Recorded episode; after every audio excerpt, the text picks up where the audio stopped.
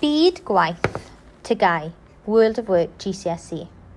In this podcast, I'll be going through punctuation and a few common mistakes that crop up in the question in the reading and writing exam where you have to correct 10 mistakes in an advert or a note or an email, etc. Llythyren fawr, so capital letters. So these are for proper nouns, so you've got names, places, etc. Don't forget, if a word is underlined for one of the 10 mistakes, it could be as simple as correcting the use of capital letters. Maybe they put a capital letter there that shouldn't be there and it needs to be a lowercase, or maybe you need to add a capital letter. Die. So atalnod llawn, full stops. So they may underline a blank space after a word for you to correct.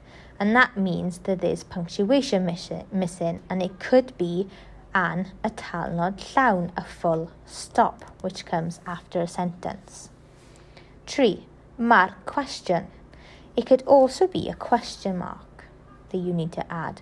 So you need to read it and decide whether it's a sentence or whether it's a question. Pedwar. to bach, so the little roof where you find above E's, O's and A's and Y's.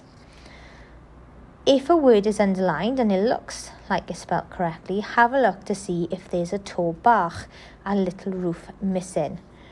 This will elongate the sound and without this the word would be spelt incorrectly.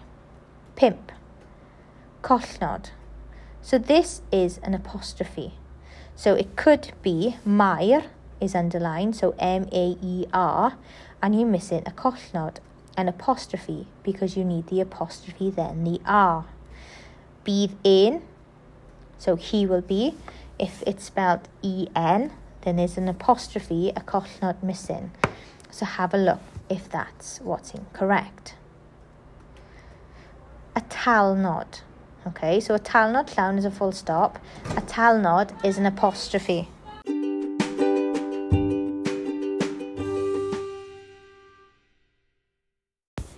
So atalnod is a comma.